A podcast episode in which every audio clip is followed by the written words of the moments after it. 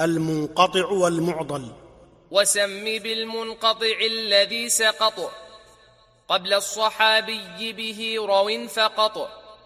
وقيل ما لم يتصل وقالا بأنه الأقرب لا استعمالا والمعضل الساقط منه اثنان فصاعدا ومنه قسم ثاني. حذف النبي والصحابي معا. ووقف متنه على من تبعا.